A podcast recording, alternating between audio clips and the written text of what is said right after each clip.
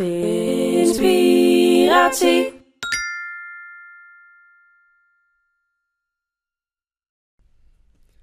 Hallo en welkom bij de achtste aflevering van de Vinspiratie podcast. Ik moest even nadenken wat eh, de af afleveringnummer was. Maar volgens mij is het acht. Ik zit hier vandaag met eh, Irza. Ja, Wij kennen elkaar eigenlijk ons hele leven al. Ja, super lang. Echt heel lang.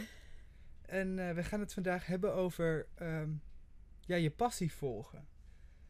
Kun jij even uitleggen waarom jij hier zit om dit thema te bespreken? Ehm, nou, mijn naam is Irsa en eh, ik heb een eigen bedrijf eh, waarbij ik paarden train samen met een goede vriendin van mij.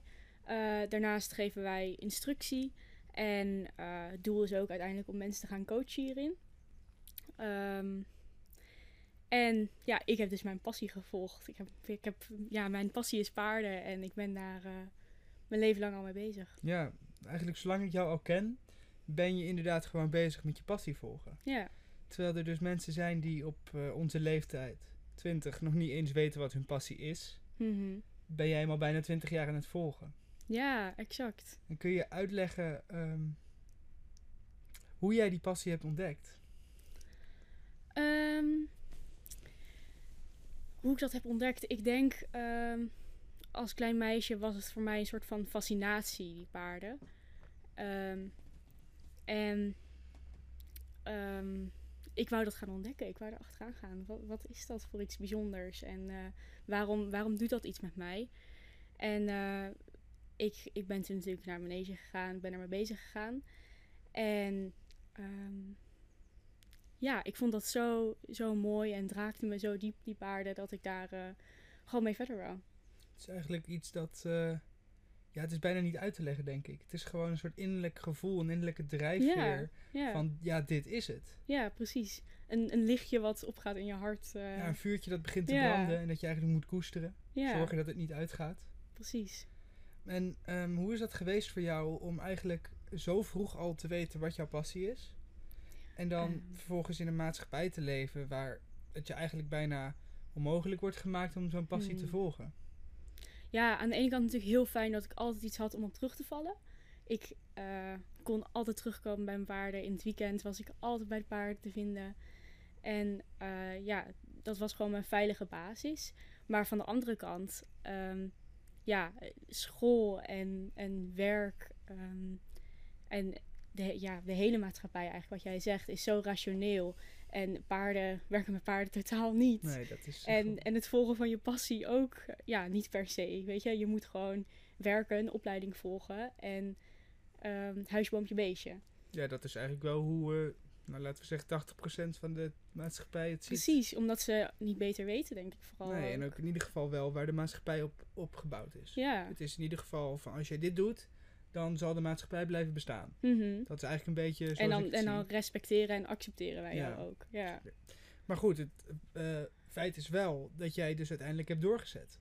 Ja. Dat jij dus wel die passie bent gaan leven, ondanks dat het jij heel erg lastig werd gemaakt. ja, absoluut. Daar, dat heb ik altijd eh, nagestreefd om daarmee bezig te blijven. Omdat, ehm, omdat ik dus die vrijheid niet op wou geven. Ik wil gewoon mijn eigen ding kunnen doen, mezelf kunnen zijn en ehm, me vrij voelen in, in doen Maar hoe? laten. Hoe heb je het gedaan? Ja, dat is zo'n lastige vraag. Ik heb het denk ik gedaan ehm, door bij mezelf te blijven.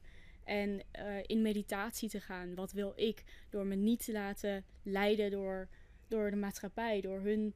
ehm, door, door wat zij van je verwachten. Door alle verwachtingen van buitenaf. Ja, want het is ook wel mooi, eh, eigenlijk wat je zegt, is, want heel vaak als mensen denken aan spiritualiteit, eh, is het toch zweverig en dan is het bijna alsof je eigenlijk geen standpunt in zou mogen nemen. Dat je Mhm. eigenlijk zonder oordelen in het leven mag staan, moet staan. En dat is natuurlijk ook wel zo. Ik wil graag zonder oordelen eh, in het leven staan, maar ik wil wel degelijk een standpunt in kunnen nemen. Mhm, Ik En ook. ehm, ja. dat betekent dus dat ik soms ergens niet aan meewerk. En dat ik voor Ja. mezelf kies. En dat ik mis- misschien als eh, irritant wordt gezien door de buitenwereld. ja. Maar dat heb jij ook wel gedaan volgens mij. Gewoon gezegd van ja, zoek het dan maar lekker uit. Ja, maar ik, ik, doe mijn eigen ding. Ja. ja, precies. Ik wil gewoon niet meedoen aan aan hetzelfde zijn als, als alle anderen. Ik wil gewoon eh, weten wat ik wil en waarom ik dat wil. En, en daarvoor staan. Wat je zegt. Ja. Ik vind, ja, ik, ik kom er nog steeds een beetje. Het is, het is echt een verwondering dat, dat, dat, dat ik iemand zie die dat gewoon vanaf zo vroeg heeft gedaan, wat ik zeg. Want ik zie wel mensen om mij heen en in mijn omgeving die het rond deze leeftijd eh, zijn begonnen. Ja. Neem als voorbeeld eh Menno uit aflevering 3. Die, Mhm. eh, zodra hij klaar was met de middelbare school, volledig zijn, zijn passie is gaan leven. Ja. Maar het, het gave is dat jij dit eigenlijk... ge- Je weet niet beter. Ik weet niet beter. Nee. Ik, ik doe dit altijd al. Ja. Het is zo eigen van jou om gewoon inderdaad ehm, te kunnen gaan staan voor wat je wil. En gewoon echt te leven naar hoe jij het voor je ziet. Mhm. En als jij ehm, zou mogen uitleggen wat dit, jou, wat dit jou brengt. Wat is jouw drijfveer om dit te doen? Waarom? Ehm, nou, mijn drijfveer is eh, voor mezelf om, om vrijheid te creëren. En om mensen te helpen eh, om in hun kracht te kunnen gaan staan. Ik wil niet ehm, onderdeel zijn van iets, maar ik wil, ehm, ja, hoe moet ik dat zeggen? Ik wil niet eh, onderdeel uitmaken ergens van, maar het gewoon echt zelf het verschil kunnen maken. En dat kan ik voor mij alleen doen door, door het zelf, zelf uit te vo- voeren. Zelf een bedrijf te starten en het verschil te maken. Ja, gewoon echt de verantwoordelijkheid terug in eigen handen nemen. eigenlijk. Ja, Maar nog steeds, wat ik al eh, net ook al zei, is het wel zo dat die maatschappij jou daarin tegenwerkt. Ehm, Kun je daar voorbeelden steeds, van geven? steeds minder, want ik doe, zit natuurlijk niet meer op school. En ehm, ja, ik begin nu een klantenkring te krijgen. Maar ehm, ja, ik heb dat natuurlijk wel heel erg gemerkt in mijn eerdere jaren. Maar hoe is dat geweest voor jou? Ja, he- heel moeilijk. Lastig, altijd. Maar ehm, daarin waren de paarden voor mij... ehm, ja, mijn, mijn coach die, die steeds zeggen... Wij zijn er eh, voor je en blijf hier, blijf bij je kracht. Blijf bij jou, eh, wat voor jou belangrijk is. Ik denk dat eh, weinig mensen echt zullen begrijpen wat je bedoelt met mijn paarden waren mijn coach. Ik denk dat het voor heel veel mensen best wel abstract is. Die snap ik. Ja. Kan je dat wat verder uitleggen? Ehm, zeker. Paarden. ehm, het wordt best wel vaak gezegd: paarden zijn spiegels van de ziel. En eh, nou zou ik niet zeggen dat een paard een spiegel is, want dan ga je het wezen paard eh, doe je tekort. Maar een paard spiegelt wel. En ehm, daarmee kunnen ze je op zoveel vlakken laten zien eh, hoe jij op dit moment bezig bent. Het is eigenlijk een soort van familieopstelling. Kun je ook met je paard doen. Ja, ik weet het. Die, Ja. eh, Lisa die doet dat ook. Ja. Die er natuurlijk bij was en waar de locatie van is. Want ze zijn zo gevoelig. Ze zijn zo. Ze, ze voelen precies aan waar jij zit. Veel dieper dan eigenlijk jezelf weet. ja. Dus ehm, ja, zij hebben mij daarom geholpen om in te blijven zien wat belangrijk is en wat niet. En, en waar ik mee bezig moet blijven gaan, zijn.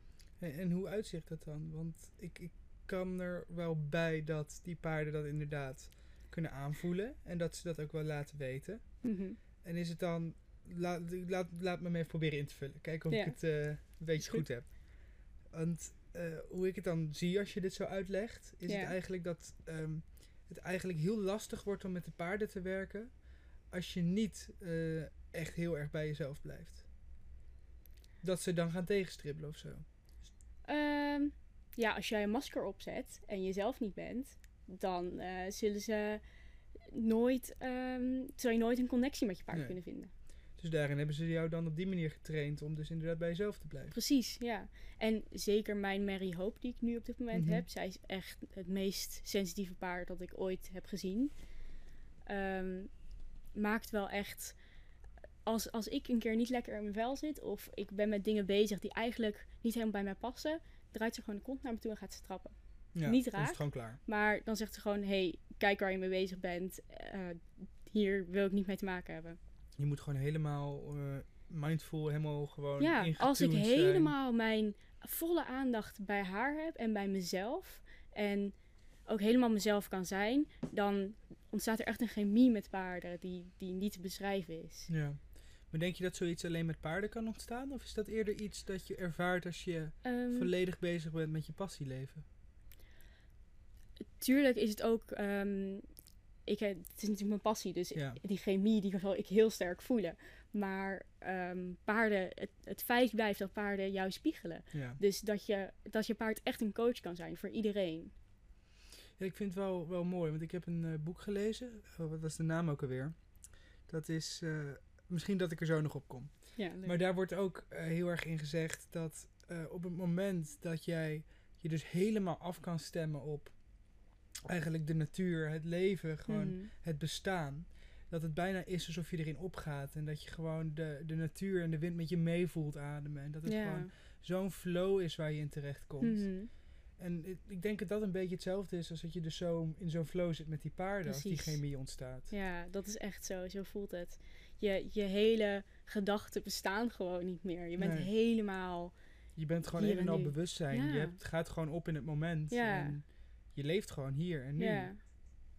Maar dat vereist ook wel een stukje aarding. Aanwezig zijn. ja, en dat is ook wat die paarden doen voor mij. Want ik, Ik, weet zelf eh, dat je daar ook nog wel moeite mee hebt gehad. Ik ken je natuurlijk wat langer dan vandaag. Ja, ik ben van mezelf iemand die eh, best wel in de wolken is en eh, heel fijngevoelig en ehm, ja, niet zo hier, hier op aarde inderdaad. Ehm, terwijl paarden met vier hoeven op de grond staan en helemaal geaard zijn. Ja. ja, die hebben volgens mij letterlijk geen gedachtes. Hier en Ehm, nu. dat durf ik niet te zeggen, Nee, maar ik denk, eh, ik denk dat ze inderdaad behoorlijk mindful zijn. Ja, Ja, dat geloof ik ook wel. Als ik die beesten zie staan in de wei. ja.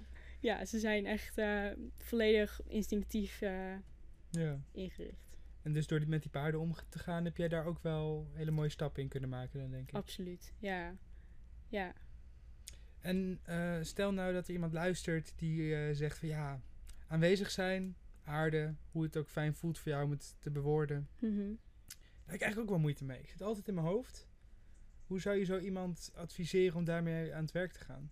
Want voor jou zijn het de paarden geweest. Eh, met name de paarden, maar natuurlijk ook andere dingen. Ehm, sowieso creatief bezig zijn, maar je ergens in, in verliezen, waardoor je ehm, je gedachten eigenlijk een soort van stopzet. Ja. Ehm, daarbij kom je al heel erg, eh, tenminste kun je heel erg bij de grond terugkomen. Kun je jezelf terugvinden. ja, dan kom je al automatisch in zo'n soort flow. Precies, ja. Dus iets, je passie vinden of iets waar je in kan verliezen, is daarin heel belangrijk. En eh, ik denk ook een stukje mindfulness vinden door middel van meditatie of yoga. Ehm, ja, dat soort Ja, dat zijn natuurlijk de, eh, de tips die je vaak hoort. Weet je wel, je, Mhm. als je te veel in je hoofd zit, moet je gewoon lekker met meditatie bezig gaan. Ja, En daar ben ik het volledig mee eens. Het, kan echt ongelooflijk eh, mooi resultaat brengen. Maar ik denk ook dat het voor veel mensen toch wel een, eh, een lastige stap is of zo. Om Hmm. dat te gaan doen. Zeker als je gewoon in de hectische maatschappij leeft, zoals we die vandaag de dag kennen. Eh, kan zo'n tip als creatief aan de gang gaan een hele mooie eerste stap zijn, denk ik. ja, dat denk ik ook. Dus dat is wel mooi dat je dat zegt. En mindfulness kan in alles geïntegreerd worden. 100%. Je hoeft niet eh, te gaan zitten in kleermakers zit en eh, te gaan mediteren en zeggen mijn gedachten moeten nu stoppen. Je kan ook gewoon ehm, ieder moment even, ieder uur bijvoorbeeld stilstaan. hey, waar ben ik nu eigenlijk mee bezig? Wat doe ik hier? Da- dan ben je eigenlijk al bezig met mindfulness. Als je even bewust stilstaat bij wat je op dat moment aan het doen bent. En wat is mindfulness? ik heb een idee. Ik, ik, ik denk het te weten. Ja? Maar ik ben wel even benieuwd wat jij te vertellen hebt. Ehm, wat is mindfulness? Mindfulness is ehm, voor mij aanwezig zijn eh, in het moment zonder oordeel eh, naar buiten toe. Dus ja, helemaal ehm, ja, zijn gewoon. Gewoon echt eigenlijk niets meer of minder dan zijn. Ja, In het hier en nu. precies. En ik denk dat als je volledig in het hier en nu bent, dat je, als je echt bent, dan kan er ook geen oordeel zijn. Mhm, dat geloof ik ook. Ja. Want een oordeel is altijd iets dat volgt op een, een ja, ik noem het dan de psychologische tijd. Mhm. Er is natuurlijk echt wel zoiets als tijd. Dat hoort bij de derde dimensie hier ook. Ehm, en, en dat is gewoon, weet je, als ik, ehm, weet je, even, moet ik even bedenken. Je, ik, ik heb geleerd voor een toets en daardoor heb ik een, eh, een, een goed cijfer gehaald. Ja. Oorzaak, gevolg, daar Ja. zit duidelijk tijd in. Maar er is ook zoiets als psychologische tijd. Dus dat speelt zich volledig in je hoofd af. ja. Het feit dat, dat wij dus herinneringen hebben. En het feit dat wij ehm, onze imagination hebben, onze fantasie, waarmee we Mhm. een verbeeldingsvermogen hebben gecreëerd, waarmee we een mogelijke toekomst kunnen bedenken. Ja. En zonder een van die twee, een psychologisch verleden of een psychologische toekomst, is er ook geen oordeel. Mhm. Want dan is het gewoon. Ja. Helemaal waar. Dus ik denk inderdaad dat mindfulness ook gewoon betekent om eigenlijk dat stukje psychologische tijd ehm, los te kunnen laten. En het is natuurlijk. Ja. ik denk niet dat het iets is dat, waar we zonder kunnen leven. Weet je, we, Mhm. we hebben natuurlijk gewoon herinneringen. En het feit dat wij kunnen bedenken: oh, dit is bijna op, dus ik moet weer naar de supermarkt. Heel praktisch. Ja, ja. Maar we worden er een beetje door geleid eh, de laatste ja tijd. je wordt geleid door, door het verleden en de toekomst en wat er allemaal wel of niet moet gebeuren of is gebeurd. En eh, we zijn niet meer bezig bij wat er nu is. Nee, en dat ehm, ja, kun je op een andere manier uitleggen door letterlijk te zeggen: het leven speelt zich hier af. Ja. Ehm, wees hier en nu aanwezig. Mhm. Het is niet zo dat die, die psychologische altijd slecht is, maar het is een tool. Maar Ja. het moet niet meer worden dan die tool. Ja. En ik denk dat mindfulness ons leert om ehm, daarbij terug te komen. Ja, om het te gebruiken als een tool. Ja, helemaal. En eh, meditatie, yoga, allemaal hele mooie manieren. Voor mijzelf eh, is het vooral meditatie geweest. Heb ik daar heel Mhm. veel. eh, maar ik, ik, ik zelf heb het ook op een hele andere manier gedaan dan de meeste mensen, denk ik. Oké. Kan je daar wat ik denk dat heel veel mensen inderdaad toch in zo'n yoga houden, of de eh kleermakers ja, zit gaan dat ze zitten. dat voor zich zien. en eh, gewoon inderdaad ga- zichzelf gaan forceren van nu moet ik een half uur stil zijn. Ja. Dat werkte echt totaal niet voor mij. voor in heel veel mensen niet. Nee. Dus wat ik vaak heb gedaan is, ehm, op de momentjes dat ik buiten was, of ik moest even wachten, bijvoorbeeld op de bus, dat, daarbij ben ik begonnen. Als ik op een trein Mhm. op een bus moest wachten, dan forceerde ik mezelf om mijn telefoon er niet bij te pakken. Wat de meeste mensen wel doen. Ja, dat is een vlucht, eh, vluchtmanier. Ja. Om niet in het hier en nu te hoeven Ja. zijn. En dus gewoon beginnen op dat soort momentjes en dan gewoon op je ademhaling gaan letten. Dat that's all, weet je wel. En je wordt er steeds beter in. En nu zit ik wel ja, je regelmatig oefent het gewoon. ja, en nu zit ik wel regelmatig lekker te mediteren gewoon. Hmm. Maar dat moet je, je, het is echt inderdaad wat Dat je train zegt. je, ja. Kun je eh, dat uitleggen? Want ik denk dat jij Ehm, er toch iets meer over weet. Dat weet ik vrij denk- zeker zelfs. Ik denk, dat ik denk dat heel veel mensen ehm, zoveel afleiding hebben in deze wereld dat het concentratie, de concentratieboog heel kort is. En ehm, met meditatie kan je die trainen. Ja, En ehm, wat jij zegt, je wil eigenlijk continu naar je telefoon als je even een moment eh, eh, ja, niks te doen hebt. Want je wil die afleiding de hele tijd hebben. mhm. Je wil constant. Wat zei je? Ze zijn allemaal dopamine verslaafd. Precies, ja. En ehm, het is zo belangrijk om, ehm, om dat te trainen en die concentratieboog langer te maken en langer te maken. En eh, om inderdaad op je ademhaling te letten. Om zo weer in het moment te komen. Daar kom je Ja. steeds toch op terug. Ja, En wat ik ook heel mooi vind, ehm, dat als je echt je passie leeft, dat het bijna altijd zo voelt alsof je in het moment opgaat. Want het maakt even allemaal verder niet echt Mhm. uit. ja, Dat, dat heb ik zelf tenminste. Als ik bezig ben met de Ik ook. podcast, of Ja. eh, in het verleden heb ik andere dingen gehad, ehm, dan, dan ben ik gewoon volledig daarmee Mhm. bezig. En dan ben ik ja. wat ik aan het doen ben. Daarom is het ook zo belangrijk om, om daarmee bezig te zijn, om het te volgen. Ja. En wat ik heel mooi vind, dat is weer een ander boek. Niet het boek waar ik het net over had hoor. Maar dat is het boek Ikigai. Best wel een heel bekend boek eh, geworden. Oké, Het is, eh, nou, het is echt een bestseller geweest. Het gaat eigenlijk over ehm, de Japanse cultuur. Het is eigenlijk een boek Mhm. dat gaat over eh, de dorpen in de wereld. En vooral in Japan, waar mensen ongelooflijk oud worden. En wat het geheim daarachter Mm. is. Nou goed, dat, dat is even niet het onderwerp van de podcast. Wel heel Wel interessant. interessant, ja. Maar wat daar ook heel erg een groot deel van blijkt te zijn, is dat al die mensen daar in een soort flow leven. Dus Ja. inderdaad volledig in het moment opgaan in wat ze aan het doen zijn. Ja, En dat zijn vaak nog wat kleinere dorpjes met mensen die gewoon in de tuin werken. ja een soort tribes gewoon. Ja, maar het is wel, Ja. wel iets moderner, zeg maar. Maar ze hebben geen eh, smartphones daar, zeg Ja. maar. maar die gaan gewoon echt volledig op in wat ze doen. Hmm. En dat noemen ze dan in dat boek een flow. En wat wij zeggen, het is gewoon in het moment zijn. Ja, Ehm, Maar wat ik dus mooi vind, is dat een passie jou op dat punt kan brengen. Maar dat het Mhm. niet de enige manier is om daar te komen. Zeker niet, nee. Want ik ga ervan uit dat die mensen niet eh, tuinieren voor hun passie. nee. Ja, misschien wel. Sommige mensen, sommige kunnen mensen vinden het wel. Ja, heel ja, leuk Maar een eh, heel om dorp? te doen. Ja, nee, ik snap wat je bedoelt. Maar inderdaad, je kunt... ehm, met, met dat soort dingen leer je eigenlijk ook werken aan je concentratieboog.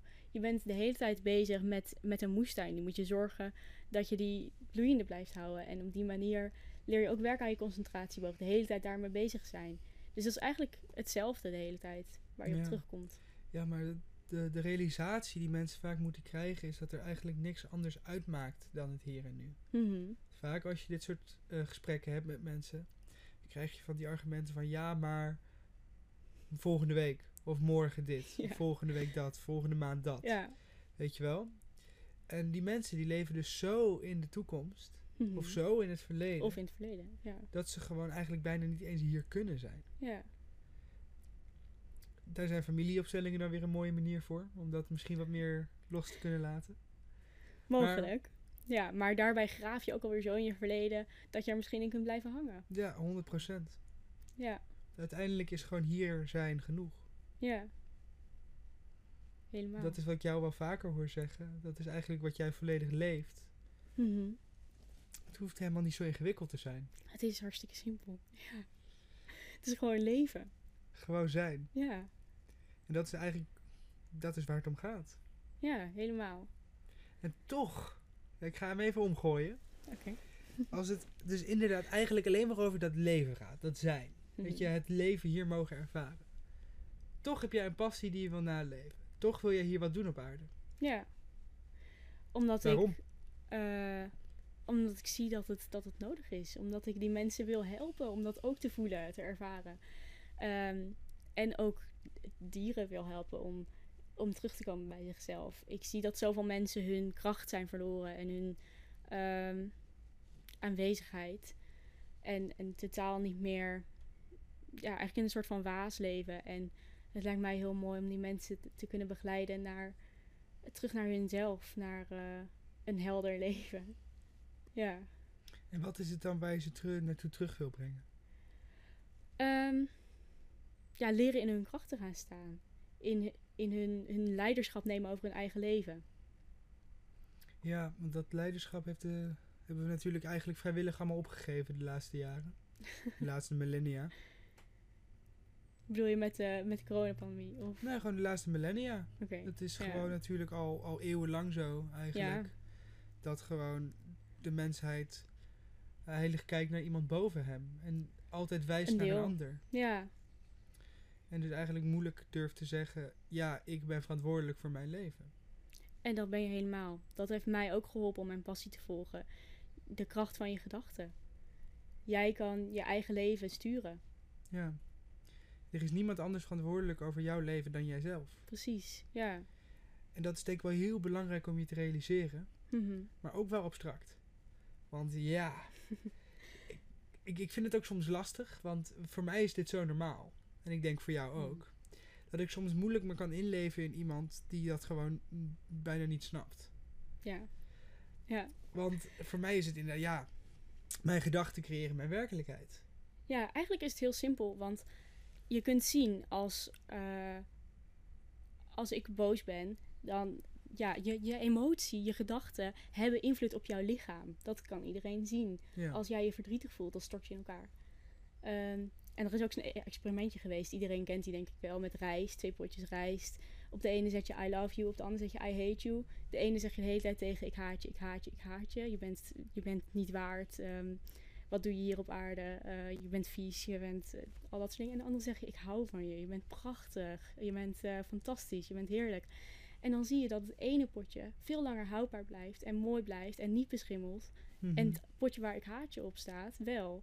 Die, die is na een week, na een paar dagen eigenlijk al gewoon helemaal beschimmeld en Ja. vies. Je hebt hetzelfde experiment ook met water gehad natuurlijk. Ja, Met die kristallen. Je hebt heel veel van dat soort Ja. experimenten, ja. Daar kun je aan zien dat, eh, dat gedachten en, en woorden wel een invloed hebben. En wij zijn natuurlijk een stuk, eh, hebben veel meer impact dan rijst. Of course. Dus Ja. zo kun je zien dat jouw gedachten zoveel te, te doen hebben met jouw leven. Je creëert je hele werkelijkheid.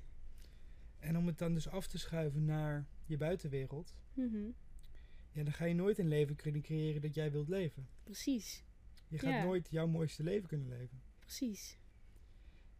En ik denk dat iedereen dat toch wel graag wil. Dat denk ik ook. Ja, iedereen heeft dromen, toch? Ja. Lijkt me wel. Maar die dromen en die passie, dat vind ik nog steeds wel een interessant onderwerp. Aangezien waar ik heel erg mee bezig ben de laatste tijd, is inderdaad gewoon zijn. Weet je, het Mhm. hoeft allemaal niet. Mhm, Ik wilde zo graag allemaal dingen voor elkaar krijgen en doen. Ik wilde iets maken van mijn leven. En daar was ik mezelf zo in verloren dat ik eigenlijk niet meer Mhm. kon zijn. Ja, En dus gewoon in die puurheid staan. En gewoon dat het is leven het. ervaren. Puurheid. Ja, Ja, puurheid is echt de essentie van het bestaan. ja. Ja, en voor mij, eh, de reden dat ik dat helemaal kan volgen, is dat ik dat continu zie in de paarden. Continu wordt, en in de natuur. Alles is, is zo echt. Ja, de hele natuur is eigenlijk die, die puurheid in essentie. Ja. En wij mensen zijn eigenlijk de enige wezens die daarvan af zijn geweken. Mhm. Tenminste hier op aarde. Ja. Om wat te zien wel. En vervolgens zijn wij ook de enige wezens hier op aarde die een passie hebben of iets willen bereiken. Ehm, ja, mogelijk wel, ja. Het zou kunnen. Ik denk dat de meeste dieren natuurlijk heel erg op instinct in zijn gericht. En, Ja. en daarmee niet misschien per se een passie hebben, ja. Kijk, en ik, er zullen zeker, eh, zeker en vast dieren zijn die bepaalde voorkeuren hebben. Ja. Maar ik denk dat het echt passie hebben, een soort van Mhm. will to live, een drijfveer voor wat jij wil creëren hier. Ja. Dat hebben die dieren niet. En dat is juist prachtig aan dat we Ja. mens zijn, toch? Ja. Dat, daar ligt tegelijkertijd onze valkuil en onze meerwaarde. Ja. Want we hebben creatiekracht. En Mhm. ik denk dat dat het grote verschil is. Ja. Absoluut. Een paard is in, in, in essentie die puurheid. Mhm. Het zijn. Hetgeen wat wij verloren zijn. Ja. Ja, wij zijn eh, zo rationeel ingesteld. Alleen maar creëren, creëren, creëren. En die, met de paarden, die kunnen ons daar balans in brengen. Ja. En het mindful zijn en al die dingen. Creatief bezig zijn. Dus onze grootste meerwaarde is ook onze grootste valkuil geweest. De- Mhm. en we zijn die balans eigenlijk kwijtgeraakt, heb ik het gevoel. Precies, ja. Dat is het. En ik denk dat... Mag ik hem invullen? Ja. Want voor mij is het wel zo. Ik wil mensen daar graag naartoe terugbrengen. Absoluut. Naar die Ja. balans. Ja, helemaal. Terug naar het zijn, naar die puurheid. Naar het leven kunnen ervaren in het hier en nu. Mhm. En tegelijkertijd je creatiekracht in kunnen zetten voor de passie die jij wilt leven. Ja. Ja, dat is precies wat ik ook wil doen. Ja. In mijn bedrijf. En ik weet dat paarden daarvoor een mooie tool zijn. En daarom is mijn doel uiteindelijk ook met, eh, met mijn bedrijf om mensen te coachen met paarden. Ja. En eh, ja, dat, dat zou ik gewoon het allerliefst willen. Lijkt kun je nog eens even wat verder uitleggen? Ehm, je bedrijf. Hoe Ja. ben je ermee begonnen? Hoe is het ontstaan? Wat doe je precies? Brand los. Dan ga ik even Ehm, mijn watertje drinken. Mijn bedrijf heet Tashunka. Ehm Tashunka paardentraining en osteopathie. En dat heb ik samen met een vriendin van mij, Shrinda, eh, opgericht. Ik denk anderhalf, misschien twee jaar geleden ongeveer. Ehm, dus dit bestaat nog niet zo heel lang. En het is een beetje ontstaan. Ik denk dat we elkaar vijf jaar geleden ongeveer ontmoeten. En toen ging zij mij helpen met het trainen van een paard. Ik was daar eigenlijk altijd al wel een beetje mee bezig. Her en der had ik verzorgpaarden, die hadden wel eens een probleem. Ehm, ik vond het leuk om dat te verhelpen. eh, omdat ik zag dat dat nodig was. En ik merkte dat ik dat ook heel leuk vond om die paarden ehm, te leren omgaan met, met moeilijkheden, met spanningen. En ehm Sherinda die was er ook heel goed in. Die vond het ook heel leuk om te doen. Die had al best wel veel bereikt met haar eigen paard. En ehm, ja, we voelden zoveel, zoveel connectie met elkaar. En we konden elkaar zo goed aanvullen. Dat we op een gegeven moment eigenlijk zeiden van... eh, waarom gaan we hier niet wat mee doen? Waarom gaan we dit niet eh, groot maken? En meer mensen helpen. Dus toen hebben we het opgezet Ja. als een eh, bedrijf, echt. En nu ja, trainen we met name paarden met probleemgedrag. Dus paarden die niet op de trailer willen, paarden die niet door water willen, ehm, bang zijn voor de ruiter, noem maar op, al dat soort dingen. Ehm, en mensen die bijvoorbeeld moeilijk heb- moeilijkheden met hem, hebben met hun paarden, want vaak komt het van twee kanten. Ehm, en we geven instructie aan mensen. Dus eh, mensen die ergens in vastlopen of meer willen leren over het leren van trucjes of ehm, een betere verbinding met hun paard willen voelen, dan kunnen wij ze daarmee helpen. Mooi. Ja. Wat ik ook wel gaaf vind, eigenlijk wat ik zie in het ontstaan van jouw bedrijf. Ehm, ik denk dat heel veel mensen tegenwoordig beginnen met het idee van het bedrijf. Ik wil een bedrijf beginnen. En Mhm. dan gaan zoeken met wat ga ik precies doen. Ja, Je bent, het is eigenlijk ontstaan vanuit dat jij gewoon deed waar je gelukkig van werd. precies. Je deed waar je gelukkig van werd. En daar is dus in één keer een bedrijf uit ontstaan. Ja. En de passie, jouw pad, is vanzelf gevormd. Mhm. En ik denk ook dat daar misschien wel ehm, een van de belangrijkste adviezen ligt voor het vinden van die passie. Doe waar je gelukkig van wordt. Precies, ja. Ja. Waar je hart van gaat stralen, volg dat. Volg datgene waar je, waar je een, sprankeltje van krijgt. eh. Waar dat vuurtje van Ja. aangaat. ja, Waar je in één keer een soort van lekker warm gevoel krijgt in je onderbuik van ja, ja, dit wil ik doen. ja, precies. Ja. Kan je misschien terug naar het moment dat jij dacht van ja, ja ik wil echt ehm, hiermee verder gaan. Het is niet alleen dat ik er gelukkig van word, maar hier ga ik iets in opzetten. Oeh. Ik, ik denk niet dat dat een speciaal moment is, realisatiemoment van en nu, nu weet ik het. Ik denk dat is echt zo En gegroeid. dat is mij. precies waarom ik het vraag. Ja, dat is echt iets wat, wat gaandeweg ontstaan is. Van, hé, hey, ik ben er goed in. hey, ik krijg feedback terug van mensen dat, dat ik dit kan. hey, eh, ik zie verbetering bij dit paard. Ehm, maar als ik dit ga doen, dan krijg ik eigenlijk alle vrijheid die ik heb. En ik vind dit zo leuk om te doen. Waarom maak ik hier niet wat van? En dit is precies waarom ik het ook zeg zo vroeg. Want ehm, ik wil juist duidelijk maken dat het inderdaad een proces is. Ja, En veel mensen die zoeken naar dat ene moment. Die zoeken, precies. Ja, die zoeken van oké, eh, dit is het niet, door. Dit is het niet, Ja. door. ja, Maar doe Ja. waar je gelukkig van wordt en het proces ontvouwt zich. dan ontstaat het. Ja, absoluut. Want ehm, ik kan ook daar natuurlijk een stukje van mezelf delen. Ehm, want wat ik nu doe is totaal wat anders waarmee ik ben begonnen. Mhm. Maar toen ik van de middelbare school afkwam, ik deed heel veel met muziek en met kunst en daar werd ik gelukkig van. Ja, Logischerwijs ging ik naar de kunstacademie. Om daar een opleiding te doen in wat mij altijd gelukkig heeft gemaakt. Maar daar kwam ik erachter dat dat mij niet gelukkig ging maken op de manier die ik zou willen. Mhm. Dus ik stopte, want het maakte mij niet meer gelukkig. ja. Dus ik heb een jaar voor mezelf genomen. Ik ben gaan kijken van, hé, hey, waar word ik gelukkig van? Want het was in één keer niet meer de kunst, de Mhm. muziek. Dat was eigenlijk een overlevingsmechanisme geweest op de middelbare school. In een systeem Ja. dat zo vastzit, zo zonder vrijheid. Mhm. In, in die kunstwereld had ik nog een beetje van die vrijheid. ja. Dus daar voelde ik me gelukkig. Ja. Toen ik in één keer die vrijheid had, omdat ik uit het systeem was gevallen, was gestapt, ik was er klaar, ehm, was dat dus niet meer het geluk dat ik er eerder uit kon halen. Mhm. Dus moest ik op zoek naar wat nieuws. Wat ging ik doen? Ik ben gewoon aan de zelfontwikkeling gegaan. Ik ben boeken gaan lezen om gewoon te kijken van ja, en waar gaat het nu heen met mijn leven? ja. En uiteindelijk kwam ik dus eh, van de wat meer spirituele teksten, gewoon de zelfhulpboeken, uit op wat meer filosofische ingangen op dezelfde thema's. Mhm. Ik merkte dat ik daar super gelukkig van werd. Dat ik echt gewoon, ik zat de hele dag te lezen, omdat ik het gewoon zo tof vond. Ja. Volgende stap, ik ging een filosofieopleiding volgen. Hm. Nou, daar heb ik het echt naar mijn zin gehad. Ik heb daar superveel geleerd. En mijn huidige stap is geweest om te besluiten daar ook mee te stoppen. Omdat het schoolsysteem mij niet meer gelukkig maakt. Mhm. Maar in dit hele proces heb ik zoveel kennis en wijsheid opgedaan. Dat ik dus op een gegeven moment besloot een podcast te gaan doen. Ja. En doordat ik de podcast ben gaan doen, heb ik heel veel mensen kunnen ontmoeten, gesprekken kunnen voeren. En er zitten nu heel veel dingen in, in de ontwikkeling waar ik mee aan de gang ga. En in één keer lijkt het een soort van explosie te zijn Ja. geweest. Het sneeuwballetje is gaan rollen. En die werd groter en groter en groter, ja. En poef, hij is op de grond kapot gesplat. Weet je, en, en ik denk dat dat ook een beetje is hoe je die passie zo vinden moet zien. Het is niet iets dat je je hele leven al hebt in elk geval. Ja. Het is een proces. Ja, jij hebt heel veel geluk gehad.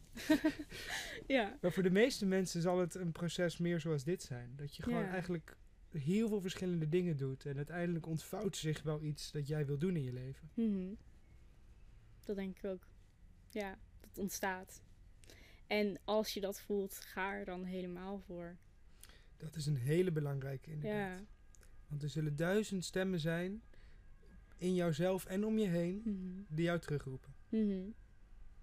Absoluut. Ja. En die heb jij ook ervaren, of niet? Die heb ik absoluut ervaren. Op school, ehm, buiten om me heen. Het, het, het gaat je niet lukken. Waarom, waarom wil je dit? Je kunt toch geen geld verdienen in de paardenwereld? En eh, Ja, wat zijn de Ja. grootste... ehm, ja, de, hoe, hoe- wat, wat voor woord ga ik eraan geven?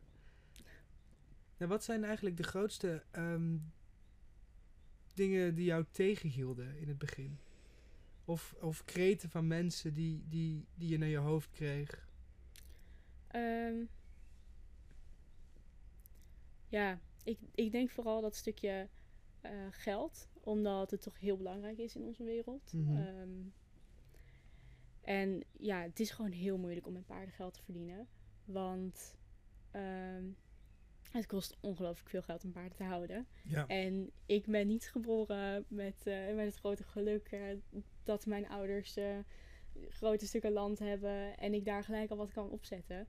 Dus voor mij moet het echt groeien. En ehm, ja, veel mensen zeggen, ja, je hebt geen stuk grond, je, je hebt geen, geen bedrijf waar je gelijk al eh, stallen hebt en iets op kunt bouwen. De- wat ben je, waar ben je mee bezig? Mhm.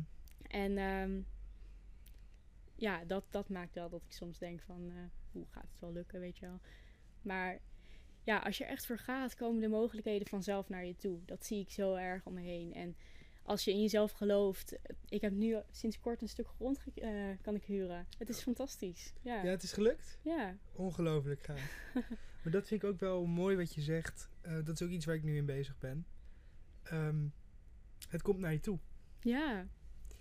Want ik ben zelf heel erg bezig met een stukje kwantumfysica de laatste tijd. heel interessant. Dat is eigenlijk de wetenschappelijke onderbouwing voor veel van dit soort spirituele Ja. thema's. Ja. Je hoort ook vaak dat er een kwantumsprong gaat komen. Hmm. En ehm, in, in bewustzijn dan. En ik denk dat het niet alleen een kwantumsprong rondom bewustzijn is, Hmm. maar ook een nieuw paradigma waardoor wij naar de wereld gaan kijken. En een paradigma is eigenlijk gewoon een bril waardoor je naar de werkelijkheid kijkt. En we hebben altijd eigenlijk door de bril van Newton gekeken. Zijn mechanische wetten van oorzaak-gevolg. Ja. Ehm, en daar komt ook bij kijken dat alles is gemaakt van iets. Weet je wel, Mhm. dus deeltjes, er is een kleinste deeltje. En de kwantumfysica die trekt eigenlijk een streep door ehm, volledig Newtons wereldbeeld. Het mechanistisch wereldbeeld van oorzaak en gevolg. Ja. En dat was best wel een, een, ja, een schokkende ontwikkeling, want daar is de volledige wetenschap op gebouwd. Ja. maar ehm, even heel kort. Ze zijn hier eigenlijk achtergekomen omdat ze altijd dachten dat licht een, een, eh, een, een frequentie was, een wave, Mhm. een trilling. Mhm. En op een gegeven moment was er een wetenschapper in Duitsland die er dus achter kwam dat licht zich gedroeg als een wave, maar op sommige momenten ook als een deeltje, als materie. Dus dat was eventjes van, oké, wacht even, wat? Dit, dit licht, een, een vorm van energie, gedraagt zich als een deeltje, als materie. Dat is heel apart. Dus toen zijn ze gaan onderzoeken van, hé, hey, ehm, heeft de materie en de energie dan die toch heel erg veel meer met elkaar te maken dan wij denken? Mhm. Toen zijn ze dus eigenlijk achtergekomen dat eh, al het materie energie is en andersom. Ja. Elk, alles waarvan je denkt dat het fysiek en materieel is, is eigenlijk een, een trillingsfrequentie. Ja. Ehm, vervolgens zijn ze dus gaan kijken, want kwantumfysica is de wetenschap van het kleinste van het kleinste. Van hoe zit het dan met de atomen? Weet je wel, want atomen zijn deeltjes. Ja. Dus als die, die lichtstralen in één keer deeltjes zijn. En de deeltjes zijn in één keer trillingse, trillingen. En alles lag in één keer in de war. Ja. Dus dan moesten ze dus naar die deeltjes gaan kijken. Van, om, om er sens van te maken. Van, Mhm. hey, die deeltjes die kunnen dus en trillingen zijn en iets fysieks. Ja. Wat zijn die deeltjes nou eigenlijk? Want iedereen die heeft de plaatjes in zijn natuurkundeboek wel gezien van de atomen. Je hebt een Mhm. paar balletjes in het midden van een kern. Ja. Met een paar andere balletjes die eromheen draaien. Uh-huh. Ehm, dat schijnt dus totale onzin te zijn, volgens de kwantumfysica. De kwantumfysica zegt eigenlijk dat alle deeltjes eh, niks meer zijn dan ware potentie. Hm. Ze zijn er wel en niet, tegelijkertijd. Hm, mooi. En dat maakt het eigenlijk dat al die kleine deeltjes, die schieten de hele tijd in en out of existence. Ze bestaan wel en niet, en wel en niet. Dus die deeltjes die draaien niet zozeer om de kern van het molecuul heen. Het is eerder een soort wolk van mogelijke plekken waar dit deeltje zou kunnen zijn. Dus het deeltje is nu hier, en nu hier, en nu hier, weet je wel? Hij Ja. schiet steeds naar een andere plek. Dus hij is er wel en niet, en wel en niet. Mhm. En op die manier ehm, zijn ze dus eigenlijk, hebben ze kunnen bewijzen dat die deeltjes op een, op een manier trillingsfrequentie kunnen zijn. Ja. En ze kunnen ehm, een, een, een daadwerkelijk een deeltje zijn. Ja. Omdat op het moment dat jij naar het deeltje kijkt, blijft hij op dezelfde plek staan. Hm. En hier kom je dus ook op dat stukje dat jij je eigen werkelijkheid creëert. Ja. De mind, die ehm, heeft dus daadwerkelijk een connectie met alle materie om jou heen. Op het moment dat jij de materie ziet, wordt het materie. Ja. Op het moment dat het niet wordt waargenomen, is het pure potentie. En kan het alles zijn. Ja. Maar die verbinding die gaat veel verder dan alleen de potentie naar werkelijkheid trekken. Als jij bepaalde frequenties uitzendt, want dat doe je door te denken, Ja. door te voelen, dan ga je iets aantrekken. Dan gaan alle deeltjes om jou heen, al die ware potentie die er bestaat, die gaat reageren op wat jij uitzendt in het kwantumveld. Want het kwantumveld is een begrip dat heel veel wordt gebruikt in de kwantumfysica. Ja. Eigenlijk alle ware potentie, alle deeltjes die nog geen fysieke werkelijkheid zijn geworden. Mhm. Dat zijn 99,99% van alle deeltjes. Ja. En als jij dus in één keer gaat manifesteren. Dus jij gaat je intentie zetten. Je gaat nadenken op een bepaalde manier. Voelen op een bepaalde manier. Mhm. Dan gaan al die deeltjes in één keer op jou reageren. Ja. En dan komt er in één keer een stuk grond naar je toe. Ja. Ja, dat is helemaal zo.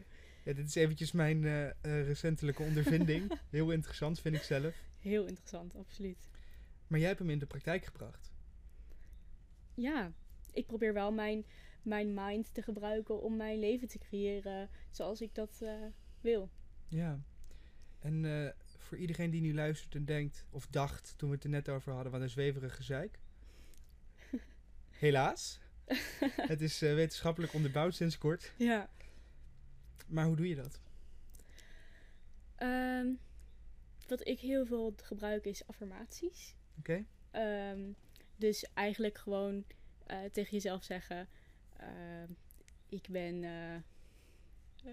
weet ik veel, ik, ik ben eh, oneindig, ik, ik, ik kom nu op tijd, ik, ehm, Ik ben liefde. ik ben liefde. Als jij ergens al van uitgaat en je zegt dat tegen jezelf en je bent daar 100% van overtuigd, dan ben je dat ook. Ja. En als je het steeds herhaalt en herhaalt her- en herhaalt, dan ga je er zo erg in geloven dat, dat je, wat jij zegt, die materie. Die gaat zich er naar vormen. Ja, En op die manier kan je dus ook gewoon ehm, dromen van een stuk grond. En uiteindelijk zal het kwantumveld dat werkelijkheid gaan maken. Ehm, nou, dromen denk ik niet. Want Nee. eh, ja, dan, ehm, dan geloof je er eigenlijk nog niet in. Nee, dan is het een droom. Het gaat juist om het 100% geloven Dat het er al is. dat het er al is. Ja, 100%. Want anders stuur jij naar het kwantumveld van... Ik heb het nog niet, maar ik wil het graag. ja, En jij moet de materie vertellen... Dit is zo. ja. Want dan gaat de materie in één keer denken... Hé, hey, ik moet zo zijn. ja precies. En dat is best wel een lastige, denk ik. Want daarvoor moet je volledig geloven in dat dit werkt. Dan moet je die theorie helemaal eh, kunnen toepassen en omarmen. Er mag geen enkel sprankje meer zitten van... Misschien werkt het. Mhm. Of ooit zal ik het misschien wel een keer krijgen. Ja, ja, Je moet worden wie je al wilt zijn. precies. Je moet zijn wie je wilt zijn. Mhm. Ja, en dan kun je zoveel bereiken met, met die manier van eh, denken. En spelen meditatie en yoga voor jou hierin ook een rol? Zeker weten. Ja, met name meditatie, maar eh, ook yoga. Yoga is voor mij vooral een tool om, eh, om mijn lichaam op te rekken. En die balans tussen werken met paarden en ehm, ja, yoga. ehm, Je moet fit zijn om met paarden te zijn, werken. ja. maar. Eerst eh, eventjes naar die meditatie toe. Oké. Eh, hoe eh, is dit een tool voor jou bij de manifestatie? Ehm, nou, als je mediteert, ben je even helemaal niet bezig met wat er buitenom je gebeurt. Ehm, je hebt geen invloeden van buitenaf. En daarom kun je je helemaal richten op wat jij wil, waarom je dat wil en wat er binnenin jou speelt allemaal. En ehm, dan kun jij ook zo erg jouw jouw gedachten observeren en ze zo vormen totdat er echt een, een affirmatie ontstaat die zo krachtig voor jou is en zo goed voor jou werkt dat je het allemaal aan gaat trekken. Ja, eigenlijk ehm, kom je op een punt dat je je dus losmaakt van jouw conditionering. Mhm. En dat je je dus volledig kunt voelen zoals je wil zijn. Ja, En dan ga je het dus automatisch aantrekken. Ja. Het helpt jou om dat stukje eh, van het niet geloven in of precies. het worden in plaats van zijn te overkomen. Ja, Heb ik hem dan goed geïnterpreteerd? eenmaal. Ja. Oké, mooi. Ja. Dat is wat ik natuurlijk vaak doe hier in de podcast. Ik eh, herhaal vaak dingen op een net wat andere manier. Mhm. Dan weet ik dat ik hem duidelijk heb. En dan horen jullie Ja, als het kijkers het natuurlijk ja. twee verschillende manieren. Mhm. Dan weet ik zeker dat die duidelijk is. ja. hey, en die yoga. Vind ik ook wel interessant. Want ik weet dat je er veel mee bezig bent. Heel veel. Ik doe eh, iedere ochtend en iedere avond yoga. Ik begin altijd met de zonnegroet. Ik eindig altijd met de maangroet. En dan, nou, één keer in de week, één keer in de twee weken doe ik ook nog echt iets van twee uur heel erg intensieve yoga. En ehm, wat ik zei, het is met name om de balans te vinden in mijn lichaam. Mhm. Ehm, maar ook om, ehm, ja, om mijn lichaam en geest te verbinden met elkaar. Om, ehm, eh, ja, om, die, om die balans te vinden in alles. Want wat is yoga precies? Want ik denk dat veel mensen een beeld hebben van de yoga pants in de sportschool. Ja, Maar het komt natuurlijk totaal ergens anders vandaan. Ja, absoluut. Het is een Sanskriet woord wat eh, eigenlijk betekent verbinden. Oké, het Ehm, betekent letterlijk verbinding. het betekent letterlijk verbinden. Ja. Gaaf, dat wist ik En niet. Ehm, dat, dat slaat op het stukje verbinden van jouzelf met de buitenwereld, maar ook verbinden tussen lichaam en geest. Ehm, en dat is dus wat je doet met yoga. Je verbindt. Je verbindt al jouw, al jouw spieren. Je- alles wordt met elkaar verbonden en in verbinding gebracht. Je ademhaling ook verbindt zich met, ehm, met je lichaam en en met je geest. En je leert alles beïnvloeden. Ja, gaaf. Wat ik ook wel vind ik heel mooi aansluiten bij wat ik net vertelde eh, over de kwantumfysica. Want er is een onderzoek gedaan. Eh, En daar hadden ze getrainde mensen. Die dus eh, getraind waren om zichzelf door middel van meditatie in een bepaalde staat van zijn te brengen. Mhm. En die, ik weet niet precies meer waar ze voor mediteerden. Maar ze waren dus aan het mediteren. En ze kwamen in een bepaalde staat om iets teweeg te brengen. Om te kijken of dat kwantumveld dus inderdaad werkte. Ja. En ze hadden drie testgroepen. De eerste groep die dacht het alleen. Die, die in, in gedachten, in de mind, ehm, bra- brachten zij die verandering teweeg. De tweede testgroep, die voelden het alleen. Dat ze die verandering teweeg brachten. Mhm. Beide deze testgroepen, die kregen niks van elkaar. Mhm. De derde testgroep, die had een verbintenis tussen mm, eh, body en geest, mind en body, eh teweeggebracht. En die dacht het en die voelden het. Mhm. En de gedachten en eh, emoties waren dus op één lijn. Ze wilden het, ze dachten het en ze voelden het. En pas dan reageerde het kwantumveld. Dus wat ik heel mooi vind in die yoga, je zegt je verbindt alles. Ja. En je dacht dat eigenlijk alleen die meditatie helpt eh, bij het manifesteren. Het is absoluut ook zo dat yoga er ook bij helpt. Ja. En met meditatie doe je ook een stukje van die verbinding. Want je bent natuurlijk met je ademhaling bezig. En dat is een deel van je lichaam. Ja, Ehm, en met je eh, mind. Dus daarbij verbind je ook al. Maar bij yoga ga je daarin echt een stap verder. ja. nou ik, ik zelf ben eigenlijk met meditatie vooral bezig om weg te gaan van mijn mind. Mhm. Om echt aanwezig te kunnen zijn. Ja, dat is zo. Maar ben je dan bezig met de verbinding teweeg brengen? Ehm, nou, ik denk dat je niet moet, moet denken dat je weggaat bij je mind. Maar dat je je mind bewust maakt hier in het moment. Dus je mind is Ja. er wel. Je mind zal altijd zijn. Ehm, Je neemt de regie terug in handen. ja, precies. Dat is het. En daarmee kun je wel de verbinding maken met je lichaam. Dat is juist wat ja. je doet met meditatie. Ja, Je brengt ja, je oké. Als je mind- hem zo zegt. Je brengt je mind terug naar je lichaam. Ja. Naar je lichaam die altijd in het hier en nu is. Die is niet gisteren, die is niet morgen, die is nu. Dus dat is wat je doet met meditatie. Ja, weet je, je mind is natuurlijk een supercomputer. Mhm. En wat ik ook, waar ik soms wel, wel moeite mee heb, is dat het ehm, vaak ook een beetje weg wordt gezet als iets slechts. Als het, als het ego. Ja. Dat je ego op eenzelfde lijn wordt gebracht met je mind. Maar dat zie ik totaal niet zo. Mhm. Ik ook niet. Maar dat is toch wel iets wat je, wat je veel ziet online. Ja, ja. En daar wil ik gewoon nog wel uit- van uit eventjes weggegaan. Ja, Ja. Ik wil daar nog wel een keertje een duidelijke streep onder zetten dat dat niet waar is. Nee, want het is zo'n belangrijke tool juist om te bereiken wat je wil. En om je...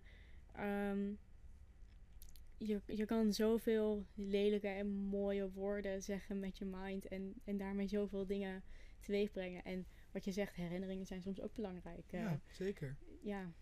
Want ehm, niet alleen heb je dat mind, dus wat duidelijk is geworden in het experiment, nodig om iets teweeg te kunnen brengen. Je kan hem ook heel mooi duidelijk maken in de vorm dat jij begint vaak met een intentie of een gevoel, Mhm. een verlangen. Dat je iets wilt of iets wil creëren. Vervolgens moet je dat op een bepaalde manier concreet gaan maken. En daar heb je je mind voor nodig. Mhm. Ik, ik heb een verlangen, in mijn geval was dit om te delen. Om kennis en wijsheid naar buiten te brengen, niet alleen van mezelf, van anderen. Ja. En in mijn mind ging ik daarmee aan de gang van hoe ga ik dat doen? Mhm. En daar is een podcast uitgekomen. Maar zonder die supercomputer had ik nooit kunnen bedenken dat het een podcast had kunnen zijn. Had ik nooit kunnen bedenken wat ik daarvoor nodig heb. ja. Hoeveel me dat zou kosten, hoe ik dat geld bij elkaar zou krijgen. Mhm. Dat mind heb je echt nodig. Heb je echt nodig, absoluut. Maar pas in die tweede fase. Mhm. Je gaat, kan niet vanuit je mind bedenken wat jij wil. Daar ben ik wel Dat van is je gevoel. Ja, Daarvoor moet je naar je hart. absoluut.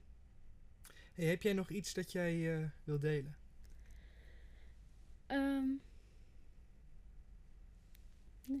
Ik weet wel het, eh, de naam van het boek. Dat ik in Oh, de eerste... eh, deel- dat was Anastasia. Oké, heb ik wel weet eens van gehoord. Niet gelezen, maar moet je wel echt doen. oké. Het, is, het gaat over iemand die... het was eerst een businessman. Mhm. En die is op een gegeven moment ehm, de, de bossen van Rusland ingetrokken. En die heeft daar hele oude natuurvolkeren ontmoet.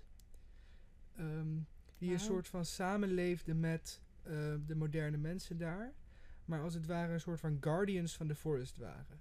Die alle energetische wezens daar tevreden hielden. En één waren nog met het, met het bos. Mhm. Echt in die totale puurheid leefden. Oh, waar we het ook over hebben gehad. En hij is dus met die mensen in aanraking gekomen. En hij heeft al hun wijsheid op een gegeven moment in een boek opgeschreven. En je merkt ook wel dat er een soort van struggle is met het accepteren ervan. Want het Mhm. is geschreven in de vorm van een roman. Oh ja. Ehm, dus als het ware hij als hoofdpersoon ontmoet die mensen. En, Mhm. en je ziet dus echt hoe hij al die spirituele oerwijsheden leert. En hoe hij daarmee omgaat. En hoe hij zijn ontwakingsproces, als ik het zo mag Oh, noemen.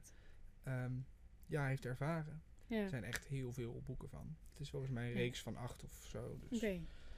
Maar het is wel echt het lezen waard een keer. Interessant klinkt, ja. Ja, zeker. Ja. Ik plug hem toch even, want ik vind hem wel mooi. Ja. Ik heb nog wel een vraag die ik jou wil stellen, want die ben ik in het begin vergeten. Oké. Wat inspireert jou? Dat doe ik altijd, maar ik ben hem vergeten vandaag. Ehm, wat inspireert mij? Het hele leven inspireert mij. En paarden inspireren mij. Ehm, en ik denk dat het leven mij met name inspireert omdat het een soort verwondering is voor alles om me heen. Ehm, verwondering van hoe alles in verbinding staat met elkaar. Hoe de seizoenen werken en alles bloeit en weer vergaat. En hoe het, het besef dat je eigenlijk zo- zo'n klein onderdeel bent. En toch zoveel impact hebt. Het een kan niet bestaan zonder het ander. En ehm, ja, dat vind ik heel mooi om, om dat te Ja. zien en daarnaar te leven. Gewoon die, die fascinatie voor het hele bestaan eigenlijk. Ja, ja. En dat inspireert mij om te leven volgens de natuurwetten en volgens. ehm, en ook om te zorgen voor de natuur. En Ja. ehm, ja, dat is ook de reden dat ik veganistisch eet. En dat ik heel bewust bezig ben in mijn dagelijks leven. Om zo'n klein mogelijke ehm, afdruk achter te laten. Ja, eigenlijk gewoon zo goed mogelijk voor de natuur te zijn. Ja, Ik geloof echt wel namelijk voor, dat... niet alleen voor de natuur, echt voor de hele wereld. Ja, gewoon voor het bestaan. ja. Maar ik zie eigenlijk alles als de natuur. Ik zie de natuur niet alleen als de boompjes dat is en de diertjes. Dat is waar. Alles is de natuur. Alles is natuur. Het is allemaal één. Ja. Ja. En wat ik ook wel ehm, mooi vind wat je zegt, inderdaad, dat, dat die fascinatie voor de wereld jou eigenlijk inspireert. Hm. Ik heb ooit, ik was een sollicitatiebrief aan het schrijven. Ik weet, eh, nou, ik was mijn cv aan het bijwerken, dat was het. En ik moest daar natuurlijk een stukje voor mezelf schrijven. En ik schreef op een gegeven moment, vanuit mijn fascinatie voor de wereld, probeer ik haar te begrijpen. Ja. En dit is echt een beetje mijn, mijn levenszin geworden of zo.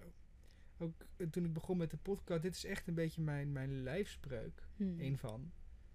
Van inderdaad, vanuit die fascinatie voor het bestaan, vanuit die fascinatie voor de natuur, Ja, probeer ik haar een stukje beter te begrijpen. mooi. En dat, dat hoor ik gewoon heel, heel erg mooi terug in wat jij zegt, Ja. dus dat wou ik even delen. Ja, dat is het echt. Ja, Maar die verbinding met alles dat er bestaat. precies. We zijn allemaal verbonden met elkaar en met alles. Kom je op een stukje eenheidsbewustzijn. Mhm. Is dat een thema dat je wil aankaarten? Waar je iets over te Ehm, zeggen hebt? Ja, het, het feit dat we gewoon allemaal met elkaar verbonden zijn en we allemaal gemaakt zijn uit die materie, wat jij zegt. Ehm, dat betekent voor mij, is dat gewoon het besef dat je ehm, een invloed hebt. Daar komt het voor mij iedere keer op terug. Ja. Dat je een deel bent van het grote geheel Ja, dat invloed heeft. ja. En dat je verantwoordelijkheid moet nemen voor die invloed die je hebt. Mhm. Ik denk alleen dat heel veel mensen een beetje nu zitten van ja. En dat eenheidsbewustzijn. Eenheid. ehm, hoe? Ik ben toch gewoon hier en nu een individu. Ehm, tuurlijk, je bent een individu, maar ehm, als alles uit hetzelfde bestaat en het een niet zonder het ander kan bestaan, wat je overal in ziet, dan betekent dat dat we allemaal met elkaar verbonden zijn. Met elkaar, je ziet ook ehm, het butterfly effect natuurlijk, dat soort dingen. Je ziet aan alles dat, dat, dat we allemaal één zijn, gebonden aan elkaar. Ja, ik ben het er volledig mee eens. Maar ik dacht, het is goed om hem nog even wat verder uit te leggen. Ja, mis- misschien kun jij er nog wat eh, aan toevoegen. Ja, je kan hem op heel veel verschillende niveaus pakken. Mhm, Dat vind ik ook het mooie eraan. Ja, Want enerzijds is dus inderdaad in het kwantumfysica model is het ook dat alles is één. Alles bestaat wel en niet. ja, Die dualiteit die in alles doordringt. Anderzijds is het ook zo dat ik het, ik leg het vaak uit aan de hand van een soort oceaan met eilanden. Mhm, Die eilanden die zitten tenslotte altijd vast aan de bodem. Ze drijven niet. ja, Het is een stuk land dat daadwerkelijk misschien wel boven het water uitkomt, maar uiteindelijk nog steeds verbonden is. Dus ja, Ja. je bent een eilandje, maar je bent nog steeds deel van Hmm. die hele grote landmassa die daaronder aan elkaar vastzit. ja, dat is een mooie. En ook het, het effect dat eh, je krijgt zodra je in dat eenheidsbewustzijn leeft, is denk ik Hmm. heel groot. Ja, Zodra je doorhebt dat jij deel bent van het grote geheel, zul je eigenlijk niks of niemand meer kwaad doen. Want dan Mhm. realiseer je je dat je het geheel iets aandoet, inclusief jezelf. ja. Ja, het komt allemaal ook terug bij jezelf op een manier. Ja, ja zeker. ja, dat is het eigenlijk altijd. Kijk Daarom naar zijn, jezelf, zijn die keer gedachten zo belangrijk. Ja, ja. Ja, keer naar binnen, kijk naar jezelf. Onderzoek jezelf. mhm. En dan vind je misschien nog wel eens je passie. Precies, ja. Ja, Heel gaaf. Ik wil nog één, één klein dingetje. Want daar ben ik gewoon heel benieuwd naar. Want je zegt net even kort iets over ehm, de zonnegroet en de maangroet. en Ja. de seizoenen. Ja. En eh, hoe jij dus meeleeft met eigenlijk de cyclus van de natuur. Ja. Ik heb één boek een keer gelezen over het shamanisme. En ik heb Oh, natuurlijk met mooi. Robert heel, heel groot gesprek gehad. Ja. Dus ik, ik heb er wel een beetje mee eh, in aanraking geweest. Ja. Maar hoe uitzicht dat? Dat meeleven in, met de cyclus van de natuur? Wat Ja, voor, brengt voor jou? mij is dat heel natuurlijk. Gaat dat bijna vanzelf. Ik ben gewoon helemaal eh, daarop ingesteld. Dus ehm, ik durf eigenlijk niet zo goed te zeggen hoe, hoe dat voor mij precies werkt. Oké, Ehm, maar het gaat met name over ehm, ja, dat, dat er een tijd is van groeien en van loslaten. Dat het allemaal komt en gaat. En ehm, dat ik ook probeer te eten volgens de seizoenen. Dat ik ehm, ja, één probeer te zijn met, met alles wat ik om me heen zie en voel. En ehm, ja, ik, ik denk met name dat. ja, want in shamanisme hebben ze natuurlijk dat wiel. Ja, En dat gaat natuurlijk met de seizoenen mee. Precies. Met de windrichting ook. Ja, En dat is inderdaad gewoon die natuurlijke cyclus. ja, En die cyclus die gaat veel verder dan alleen de seizoenen. Want dat is zo. alles dat eh, wordt geboren, Ja, dat wordt ouder. Het Mhm. bloeit. Het sterft af. Ja. En het is dood. dat is en dan heb je weer die weer, wedergeboorte. Ja, Want ik merk het ook aan mezelf. Als in de lente begin ik vaak te exploderen van ideeën. Weet je wel? ja, ik ook. Dan ga ik het voorbereiden, dan ga ik het doen. In de zomer voer je het uit. Mhm. In de herfst sterft het af. Dus kan je reflecteren. Ja, Dan ga je kijken van hoe was het geweest. Dan ga ik oogsten. Ga ik kijken wat ik eraan heb gehad. In de winter keer je naar binnen. ja. Letterlijk en figuurlijk. Ik ga bij mezelf te raden van... Hoe gaat het hier nu eigenlijk? Mhm. Je kruipt dan- terug in je hol. Ja. En dan ready voor de volgende cyclus. ja. Ja, zo zit het in elkaar bij mij ook. Ja. Ja, dat is dan hoe die voor mij werkt. En zo zijn er inderdaad nog veel meer cyclussen die er allemaal in terugkomen. En de maancyclus natuurlijk. Precies, ja. Volle maan en nieuwe maan. Ja, En ja, de zon heeft natuurlijk ook een bepaalde cyclus. de zon heeft ook heel veel invloed op ons leven. Ja. Ja, absoluut.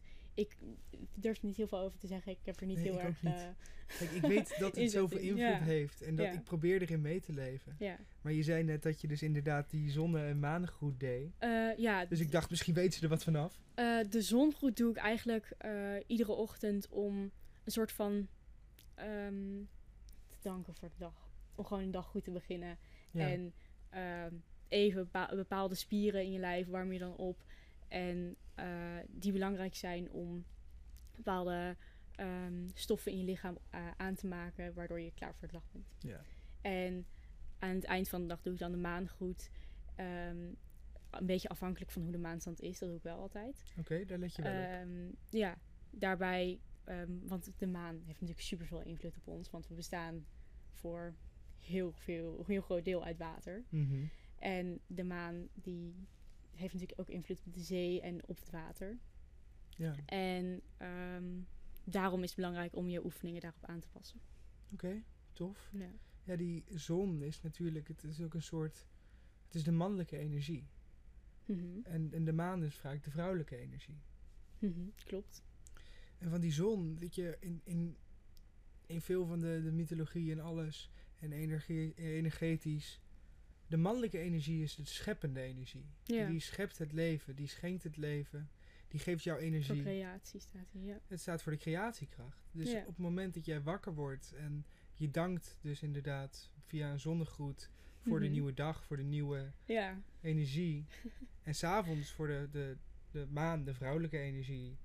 De, de nurturing, de, het gevoelige, het gevoel. Mhm. Tijd voor inderdaad ook weer een- eigenlijk een, een nieuwe ronde. ja. Want op het moment dat jij gaat slapen, dan zeg je eigenlijk ook een soort van gedag tegen de creatie van het bestaan. Je bent even niet. ja. En dat is ook die, de counterpart van de mannelijke energie, de vrouwelijke energie die in het mystieke eh, leeft. Hm. Dat is ook hoe ik hem dan een beetje zie. Ja, ja. Dat je ook eigenlijk heel erg zo meebeweegt met die twee die ook een soort dans spelen. Mhm. Het spel van de dualiteit. ja. Dat altijd op zoek is naar harmonie. Ja, precies. Het is het, het, het, het spel waarin je een balans moet vinden. Ja. Ja, ja, dat is gewoon eigenlijk wel de essentie. ja. En ehm, die balans, als je die hebt gevonden, uitzicht vaak ook, ook in een passie, denk ik. De Ehm, echte ja. balans vinden is natuurlijk heel lastig. En je kan ook een passie hebben zonder eh, de balans gevonden te hebben. mhm. Dat geloof ik ook. Dat is bij mij natuurlijk ook wel zo, zo gegaan. Ik bedoel, ik had mijn passie al eh, super jong. Ja, Ja. maar ik denk wel dat als je echt volledig je, je zielsmissie leeft, misschien een beter woord, ja. dat je dan automatisch wel Een passie hebt. in ieder geval in harmonie Ja. bent. Ja. Ja. Dat leren en dienen samenvallen, dat Ja. ja, eigenlijk alles komt vanzelf. Want je leeft gewoon je zielsmissie, je leeft Mhm. je passie, je volgt je hart. Ik denk dat veel meer mensen dat zouden mogen doen. Dat denk ik ook. Ja, dat zou de wereld echt zoveel mooier maken. Ja. Als we niet allemaal eh, als schaapjes achter elkaar aanlopen, maar onze eigen weg durven gaan. En uit onze comfortzone durven te stappen in het onbekende. ja, die is ook wel belangrijk. Uit je comfortzone stappen. Ja, daar begint het allemaal mee. 100%. Niet de menigte volgen, maar je eigen weg durven gaan. Volg je hart en ga ervoor. Ga ervoor Ja. staan. Ja. Hey, ik ga je de laatste vraag stellen. Dat doe ik ook altijd dezelfde vraag. Mhm. Ik wil jou gewoon namelijk vragen, wat wil jij mensen nog meegeven? Eigenlijk hebben we het net een beetje gezegd. Herhaal het. Volg je hart en stap uit je comfortzone. Doe, eh, doe waar je gelukkig van wordt en ga ervoor. Dankjewel. Alsjeblieft, fijn dat ik hier mag zijn. En ik hoop niet dat het de laatste keer is. Komt Lijkt me ook weer- heel leuk om Ja. nog een keer te mogen zijn. Ik denk dat jij nog heel veel wijsheid te delen hebt. eh, Wie weet. komt helemaal goed. Hey, ehm, voor jullie ook dankjewel voor het kijken. Heb je waarde gehaald uit deze podcast? Zou je hem dan willen delen? Dan kunnen meer mensen hetzelfde doen. Kunnen wij meer en meer gratis waarde creëren. Meer mensen kunnen er op die manier eh, van genieten. En zo kan ik blijven groeien. Jij bedankt. Graag gedaan. Fijn dat ik hier mag zijn. Zeker, jij bedankt. Nogmaals. hey, tot de volgende keer. Wij doen het weer uit. Inspiratie.